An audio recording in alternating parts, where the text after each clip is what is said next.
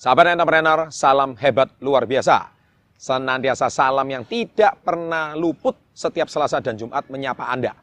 Oke, dan kesempatan kali ini saya akan membahas tentang kebodohan. Ya, sering kali manusia itu mengalami kebodohan dan dia tidak sadari. Nah, topik kali ini adalah empat kebodohan yang menuntun Anda ke jurang kehancuran.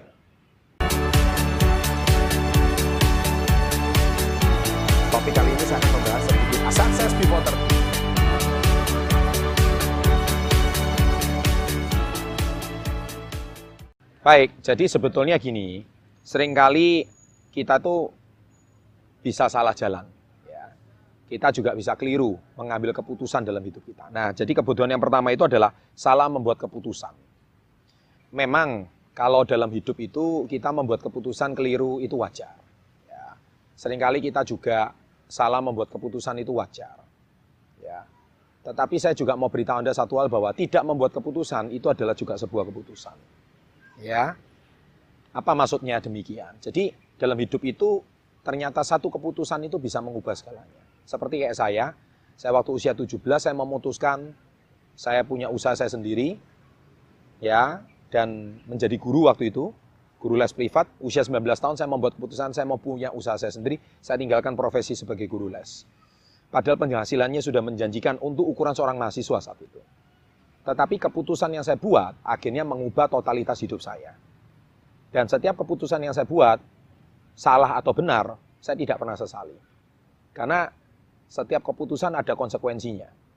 Kalau salah ya salah, ya sudah. Saya belajar dari kesalahan itu. Kalau benar, ya itulah mengubah hidup Anda. Jadi sebetulnya Anda cuma e, butuh sebuah keputusan untuk mengubah totalitas hidup Anda. Sama seperti hari ini. Ketika Anda hari ini capek dan lelah, apa keputusan Anda? Istirahat, sebentar dan bangkit lagi atau Anda mau komplain, mengeluh. Kalau Anda hari ini orderan lagi sepi, bisnis Anda lagi sepi, hidup Anda lagi tidak ideal, lagi hancur, lagi terpuruk, apa keputusan Anda? Mau mengeluh, menyesal, menyalahkan orang, itu juga keputusan. Atau sebaliknya, mencari tahu penyebabnya, evaluasi, dan akhirnya bangkit. Dan Anda bisa menemukan kesalahan Anda. Itu juga keputusan. Ya, jadi sekali lagi keputusan itu salah membuat keputusan itu bisa menjadi sebuah kebodohan. Tapi saya lagi nggak usah menyesal. Buat berbuat keputusan memang itu sebuah kebodohan, tetapi yang terpenting Anda segera buat keputusan baru. Ya. Nah, kebodohan yang kedua adalah merasa diri paling tahu segalanya dan berhenti belajar dan mendengar. Jadi merasa diri paling tahu segalanya. Ini adalah sikap yang sudah sering saya ulang-ulang di video saya. Entah saya sudah berapa kali mengulang tentang merasa tahu diri segalanya. Banyak sekali. Entah mungkin sudah puluhan video kali. Tapi kenapa saya suka mengulang-ulang ini? Is okay. Saya ulang aja Anda belum tentu melakukan, apalagi nggak saya ulang. Saya kan saya sudah sering kali mengatakan, lebih baik saya ulang sesuatu yang mungkin Anda nggak suka dengar, tetapi saya ulang terus sampai suatu hari Anda akan sadar bahwa itu adalah sebuah kebodohan. Jangan pernah merasa tahu diri segalanya, ya. Nah, sikap yang ketiga, kebodohan yang ketiga adalah tidak punya prinsip. Nah, ini. Ya, jadi ketika Anda melakukan keputusan, mungkin Anda akan ditinggalkan teman Anda. Ketika Anda melakukan keputusan, mungkin Anda tidak akan didukung oleh orang tua Anda. Ketika Anda membuat keputusan, mungkin Anda akan dicibir oleh pasangan Anda.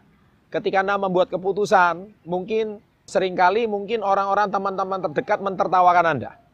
Tapi apa pun itu, saya mau garis bawahi bahwa kalau Anda hari ini nggak punya prinsip, nah itulah kebodohan terbesar menurut saya. Dan itu Anda bisa masuk ke jurang kehancuran.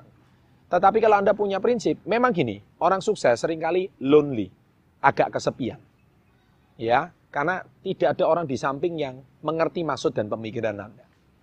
Tetapi kalau itu Anda yakini, jalankan. Punyalah prinsip. Suatu, suatu hari percayalah, niscayalah, dunia akan mengakui Anda teman-teman Anda akan memberikan aplaus. Ya kan? Sahabat-sahabat terdekat mungkin akan kaget dan tercengang. Wow, Anda orang hebat.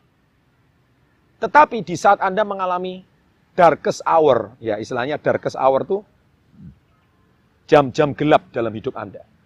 Badai-badai gelap dalam hidup Anda. Anda merasa kesepian. Saya tahu itu tidak nyaman, tetapi di situlah prinsip Anda diuji Nah, kebodohan terbesar adalah Anda nggak punya prinsip. Teman itu 10 warna. Teman A ngomong ini nggak benar, ikut.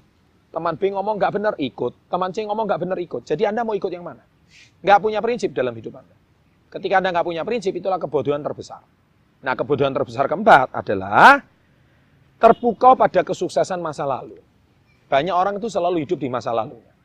Entah saya juga berapa kali mengulang-ulang topik ini.